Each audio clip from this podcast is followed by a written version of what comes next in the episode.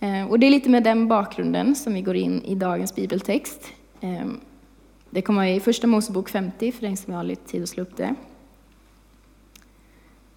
När vi läser den här texten så har precis Josefs pappa dött.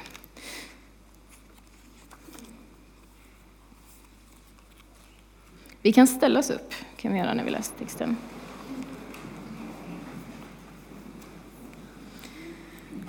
När Josefs bröder tänkte på att deras far var borta sa de, kanske Josef hyser agg till oss och vill ge igen för allt ont vi har gjort honom. Därför skickade de bud till Josef och lät säga, innan han dog bad din far att vi skulle säga till dig, vi ber dig förlåta oss, dina bröder, vår synd och skuld.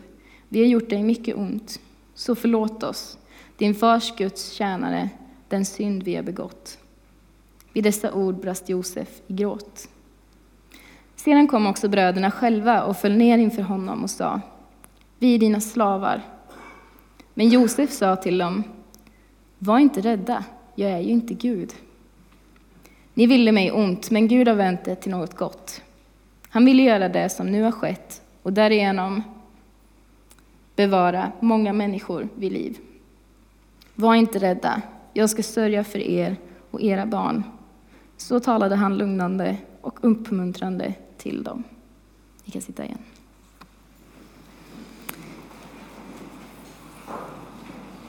Bröderna skickar ett brev och säger i princip, pappa sa att du skulle vara snäll mot oss. Och sen så kommer de till Josef och eh, man kan ju undra, hur gör du nu Josef? De har velat dig väldigt ont och gjort mycket skada i ditt liv.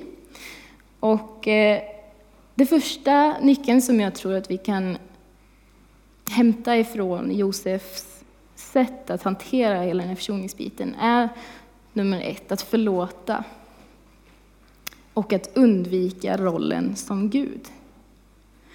För att ha rollen som Gud, det kan också innebära att behöva döma i konflikter. Det, redan i första, liksom, i första början i Bibeln så kan vi läsa om Adam och Eva som blir lockade av den här tanken att få agera Gud, att få säga vad som är rätt och fel och, och kunna liksom döma i konflikter. I Första Mosebok 5 så kan vi läsa men Gud vet att den dag ni äter av frukten öppnas era ögon och ni blir som gudar med kunskap om gott och ont. Och de tyckte att det var väldigt lockande. Men vi kan också när vi fortsätter läsa i Bibeln se att bara för att de fick en viss kunskap om gott och ont och började liksom, ja, men döma i sakfrågor så kan vi också se att de inte lyckades hantera det riktigt. Jag tror att vi behöver låta Gud vara domaren även i våra konflikter. För ärligt talat så vet jag inte hur jag hade varit om jag hade haft andra förutsättningar i mitt liv. Jag kan tycka att jag lever gott ibland, eh, men jag har också haft ganska goda förutsättningar till att vara snäll. Jag är det verkligen inte alltid, men hur hade mitt liv sett ut om jag hade fötts med andra förutsättningar, andra vänner, eh, på en annan plats, hade mindre pengar och så vidare? Om jag hade varit fattig, hade inte jag kanske stulit någonting för att kunna mata mina barn? Jag vet inte. Eh, och därför tror jag också att vi har lite svårt att kunna avgöra vad som är rätt och fel i alla stunder och kunna döma folk för vad de gör. Och där kan vi lita på att Gud kan göra det. Jag tror vi behöver det. Timothy Keller är en väldigt eh, bra predikant och pastor tycker jag. Och han har sagt så här. Only God has the power to judge someone without becoming evil himself. Alltså bara Gud har makten att kunna döma någon utan att själv bli elak. Eh, och jag tror det ligger någonting i det. Eh, vi vill gärna döma andra människor, men, men vi har svårt att göra det utan att bli elaka själva. Utan istället så tror jag att vi behöver lägga ifrån oss den rollen och låta Gud ta den svåra uppgiften och sedan välja att förlåta istället. Och sedan förhoppningsvis också kunna försonas. Om vi läser i Matteus 5, vers 21 26 så kan vi se vikten av försoning. Om du bär fram din gåva till offeraltaret och där kommer ihåg att din broder har något otalt med dig, så låt din gåva ligga framför altaret och gå först och försona dig med honom. Kom sedan tillbaka och bär fram din gåva. Skynda dig att komma överens med din motpart medan ni ännu är på väg, så att han inte överlämnar dig åt domaren och domaren lämnar dig åt vakten och du sätts i fängelse. Sannerligen, du slipper inte ut förrän du har betalt till sista öret. Jag tänker så här, vi kan väl ta och stanna kvar i lokalen, så ni behöver inte lämna lokalen om ni kommer på att ni har något otalt med någon. Det kan vi ändå komma överens om. Jag tror inte att det är det det handlar om, att vi behöver sticka härifrån nu. Eh, för säkert är vi många som inte har alla relationer rätt. Men jag tror att texten berättar för oss att det är viktigt att vi försonas med andra. Det är viktigt att vi också prioriterar att göra det. Det är minst lika viktigt som att, att lovsjunga och att ge sitt offer till Gud. Eh, vad det nu än kan vara. Men att vi inte glömmer att det, hör, att det nästan kan vara viktigare än att lovsjunga i vissa fall. Att faktiskt försöka så långt det går att försonas med dem vi har något otalt med. Den andra grejen jag tror att texten berättar för oss är att eh, det är viktigt att vi gör det snabbt, så snabbt det går, och inte bara låter saker och ting ligga och pysa någonstans. Eh, för att ganska snabbt så kan det bli värre och värre. Peter Frey säger You don't settle quickly, you progress quickly. Man kan likna det lite vid en obetald räkning. Jag vet inte om ni någonsin har haft en sån. Det har jag och David haft. Eh, och lite för ofta så kommer en påminnelseavgift. Och det har hänt lite för ofta att det kommer ytterligare en påminnelseavgift. Och ganska snabbt blir det väldigt dyrt. Vi hade någon sån här parkeringsbiljett eh, som vi hade via telefonen, så då glömde vi lätt av den. Och, parkeringen kostade typ 5 kronor. Men i slutändan fick vi typ betala 250 spänn för den här parkeringen, eh, för att vi bara inte betalade. Eh, och just det här att vi, jag tror inte att vi ska vara konflikträdda som kristna. Utan, och vi ska inte låtsas som att vi inte har några konflikter och liksom slå ner på oss själva för att vi har konflikter med andra. Utan det vi ska göra är att göra någonting åt konflikterna och att faktiskt ta itu med dem och göra det så fort det går. Innan det liksom blir alldeles för svårt och vi får betala en mycket högre pris än vad vi hade behövt om vi hade gjort det i början. I Romarbrevet 12 och 17 står det så här. Löna inte ont med ont. Tänk på vad som är riktigt för alla människor. Håll fred med alla människor så långt det är möjligt och kommer an på er. Ta inte rätten i egna händer, mina kära, utan låt Guds vrede ha sin gång. Ty det står skrivet, min är händen, jag ska utkräva den, säger Herren. Vi behöver inte vara rädda för att vi inte ska få ut vår rätt, för att Gud, han har lovat, det är advent, jag kommer. Eh, din rätt kommer att på något sätt utkrävas och jag kommer utkräva hämnden. Och det kan låta som att vi då behöver vara rädda för Gud, men vi läste ju tidigare också det här med Timothy Kellers citat, att Gud är den som kan döma utan att faktiskt bli elak i det. Och där kan vi också hitta tröst i, tror jag, att vi inte behöver avgöra i vissa ställen att vi ska döma, utan vi får, vi får ge den uppgiften till Gud. Ehm, och dessutom så står det också att vi ska hålla fred med alla människor så långt det går och kommer an på oss. Och ibland så är det jättesvårt och det går inte alltid. Men så långt vi kan, så långt det går, så kan vi försöka hålla fred. Saliga de som håller fred, de ska kallas Guds söner. står det i Matteus 5 och 9.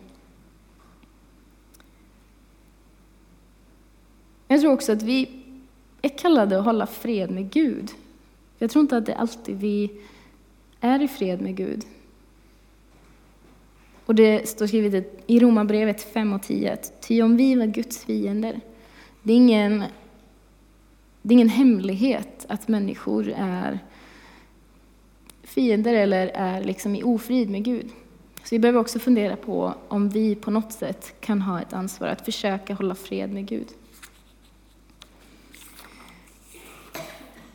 Det var nummer ett på Josefs vandring eh, till försoning. Att inte ta Guds plats, utan istället förlåta. Nummer två, så står det så här i texten som vi läste förut. Ni ville mig ont, men Gud har vänt det till något gott. Vi behöver få en upprättad gudsbild. Det här gör både Josef och Jesus i deras väg till försoning. För livets motgångar gör någonting med oss och det kan göra någonting med vår bild av Gud. Inte helt ovanligt är att man tänker att om livet är gött, då är Gud god. Om livet är svårt och hårt, så är Gud ond eller bryr sig inte. Om man läser Ordspråksboken mycket så kan man få den bilden av att om du gör rätt saker så kommer det gå bra i livet. Går det inte bra, då har du antingen gjort dåliga saker eller liksom blivit osams med Gud. Och det finns en poäng med det, att sköter du dig så har du i alla fall bättre förutsättningar för att livet ska gå bra. Men om man läser vidare i Predikaren och Jobb så kan vi också läsa att äh, men det funkar inte alltid, för vi, livet blir inte alltid som man har tänkt sig och vi har inte all kontroll över över livet och vad som händer, utan vi möter motgångar ändå. För vi har ju inte ansvar för alla andras liv och val, utan andra kan välja något som gör att vi skadas utav det, även om vi har levt så gott vi har kunnat. Och lite så här var det för Josef. Josef, han gjorde verkligen så rätt han kunde. Josefs chef, hans fru, ville ligga med honom och, han bara, och hon tjatade så mycket. Ehm, och det han gjorde var att stå emot hela tiden och försöka göra det rätta. Han säger att jag vill inte synda mot Gud. Det var inte bara att han inte ville komma osams med chefen, utan också att han ville göra rätt inför Gud. Och ändå så hamnar han i fängelse. Alltså då kan man ändå känna, Gud varför, vad orättvist. Jag har verkligen så här, kämpat för att göra rätt och så blir jag utnyttjad. Men i den här fängelsesituationen så vänder Gud hans liv till någonting positivt. Och han får betyda väldigt mycket för både de som är i fängelset, det står att han till och med fick ha massa ansvar i fängelset med vaktarna, väktarna. Och sen så får han ju också bli kungens rådgivare och efter det kunna rädda hela hans folk från svält. Han hade kunnat skylla på Gud. Det här är ditt fel. Det här är tacken. Men istället så valde han att tro att Gud vände hans situation till någonting gott. Det står inte Gud gjorde det med flit, att, att han skulle hamna i fängelse, men det står att han vände det till någonting gott. Jag skulle kunna välja att skylla på alla andra, att de förstör mitt liv när jag fick eh, underkänt på mitt svenska nationella prov i gymnasiet, eller när vi fick avslag på vår ansökan om lånelöfte första gången, eller eh, när vi fick vår bil lagad för 12 000 utan förvarning, eh, när vi inte hade de pengarna på kontot. Jag hade kunnat verkligen deppa ner mig totalt och, och skyllt på andra att ni förstör mitt liv. Men jag har ju faktiskt ett bra jobb nu, trots det där underkända provet. Jag har ett bättre hus nu, eller kommer ha, vi har precis köpt ett, än om vi hade fått det där lånelöftet för två år sedan. Och jag har ju faktiskt fungerande bromsar på bilen nu när det är vinter, vilket är ganska skönt. Så jag tror ändå att Gud är med och vänder våra jobbiga situationer till någonting bra. Och på det här sättet så tror jag att vår gudsbild behöver få bli upprättad. Vi behöver försonas också med Gud och våga ha en relation med honom, våga tro att han är god. När livet går dåligt. Romarbrevet 8 och 28. Vi vet att allt samverkar till det bästa för dem som älskar Gud, som är kallade efter hans beslut. Det samverkar. Allt kanske inte är det bästa, men det samverkar till det bästa för dem som älskar Gud. Det var punkt nummer två. Nu är jag inne på tredje. En upprättad relation också med andra. Och hur gör han det? Jo, Josef speglar Guds kärlek. Det står så här. Jag ska sörja för er och era barn. Och här kommer försoningen. Josef älskar sina fiender, som i Matteus 5.43, där det står Du har hört att det blir sagt, du ska älska din nästa och hata din fiende. Men jag säger er, älska era fiender och be för dem som förföljer er. Då blir ni er himmelske faders söner. Ty han låter sin sol gå upp både över onda och goda och låter det regna över rättfärdiga och orättfärdiga. Var fullkomliga så som er fader i himlen är fullkomlig. Det är svårt att vara fullkomlig, men han uppmanar oss till att spegla hans kärlek, till att liksom vara Gud på den här jorden på något sätt, eller vara en bild av hur Gud är och vem Gud är. Och det är väldigt lätt att se upp kontakten med de man inte är överens med, särskilt när man är tonåring. Eh, men även vuxna. Eh, att ge upp, att säga upp kontakten. Men jag tror att vi, tanken är att vi inte ska göra det, varken med Gud eller med andra. Vi kanske behöver en paus ibland, men vi behöver inte göra det definitivt med att säga upp kontakten. Det finns specialfall, det vet jag. Josef hade inte behövt göra mer än att bara säga jag förlåter er, men gå härifrån nu. Liksom. Eh. Men det han gör är att gå den extra milen och han börjar försonas med dem. Eh, för han säger att jag ska sörja för er och er barn. Och då menar han inte med att jag ska gråta för er, utan jag ska försörja er. Jag ska ge er det ni behöver, ni ska få bo där jag bor. Eh, ni ska få del av det goda liv som jag har fått del utav. Han börjar bygga en relation igen. Han börjar försonas med dem. Han börjar upprätta en ny relation tillsammans med dem. Förmodligen så var det egentligen Josef som behövde lugnande medel när han hade liksom potentiella mördare framför sig. De hade velat döda honom, de hade sålt honom som slav. Lite stress och ångestpåslag hade inte varit konstigt om Josef hade. Men istället så väljer han att lugna och uppmuntra sina bröder och ja, börja försoningens väg. Och jag tror verkligen att det här är på något sätt Jesus sätt att försonas med oss också. Han börjar med att förlåta oss. Och så fortsätter han med att upprätta gudsbilden. Han visar vem Gud är, den kärlek han har till oss.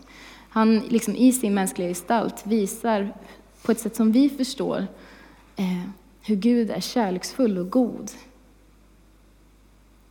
Och sen så avslutar han också med att försonas med oss.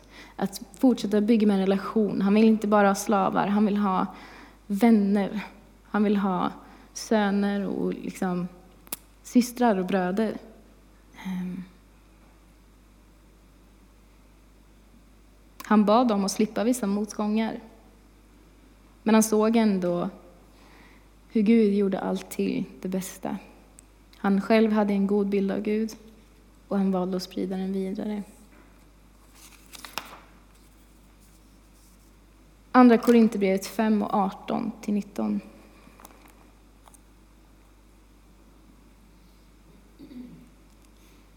Allt detta har sitt upphov i Gud som har försonat oss med sig genom Kristus Jesus och ställt mig i försoningens tjänst. Till Gud försonade hela världen med sig genom Kristus. Han ställde inte människorna till svars för deras överträdelser och han, över, han, han, han anförtrodde det mig budskapet om denna försoning. Jag är alltså Kristi sändebud och Gud manar er genom mig. Jag ber er på Kristi vägnar, låt försona er med Gud. Det här är någon, på något sätt det som jag har känt när jag har förberett den här predikan, att det är det den ska handla om. Att Gud vill försonas med dig och han uppmuntrar dig och uppmanar dig till att försonas med honom också. Han har förberett så att vi kan göra det genom att förlåta oss och genom att älska oss. Och genom Jesus, det han gjorde på korset, att faktiskt börja en väg till försoning med oss. Och i Romarbrevet 5 och 1 står det, då vi nu har gjorts rättfärdiga genom tro har vi frid med Gud genom Herre Jesus Kristus. Vi kan få frid med Gud genom att tro på Jesus och det han har gjort. Eh, så det är någonting som jag har känt väldigt starkt för inför den här predikan och tror att flera av oss behöver höra och komma tillbaka till. Att vi kan få frid med Gud. Eh, och en av mina absoluta julsånger fick jag lite nya ögon för när jag lyssnade häromdagen. O helga natt. Jag tänkte vi skulle lyssna på den och smälta predikan lite. Och eh, tänk gärna på vad texten är. Jag har inte tänkt så noggrant, ska jag erkänna, på texten i den här låten. Men den handlar väldigt mycket om just det som jag har pratat om idag. Så vi lyssnar på den tillsammans.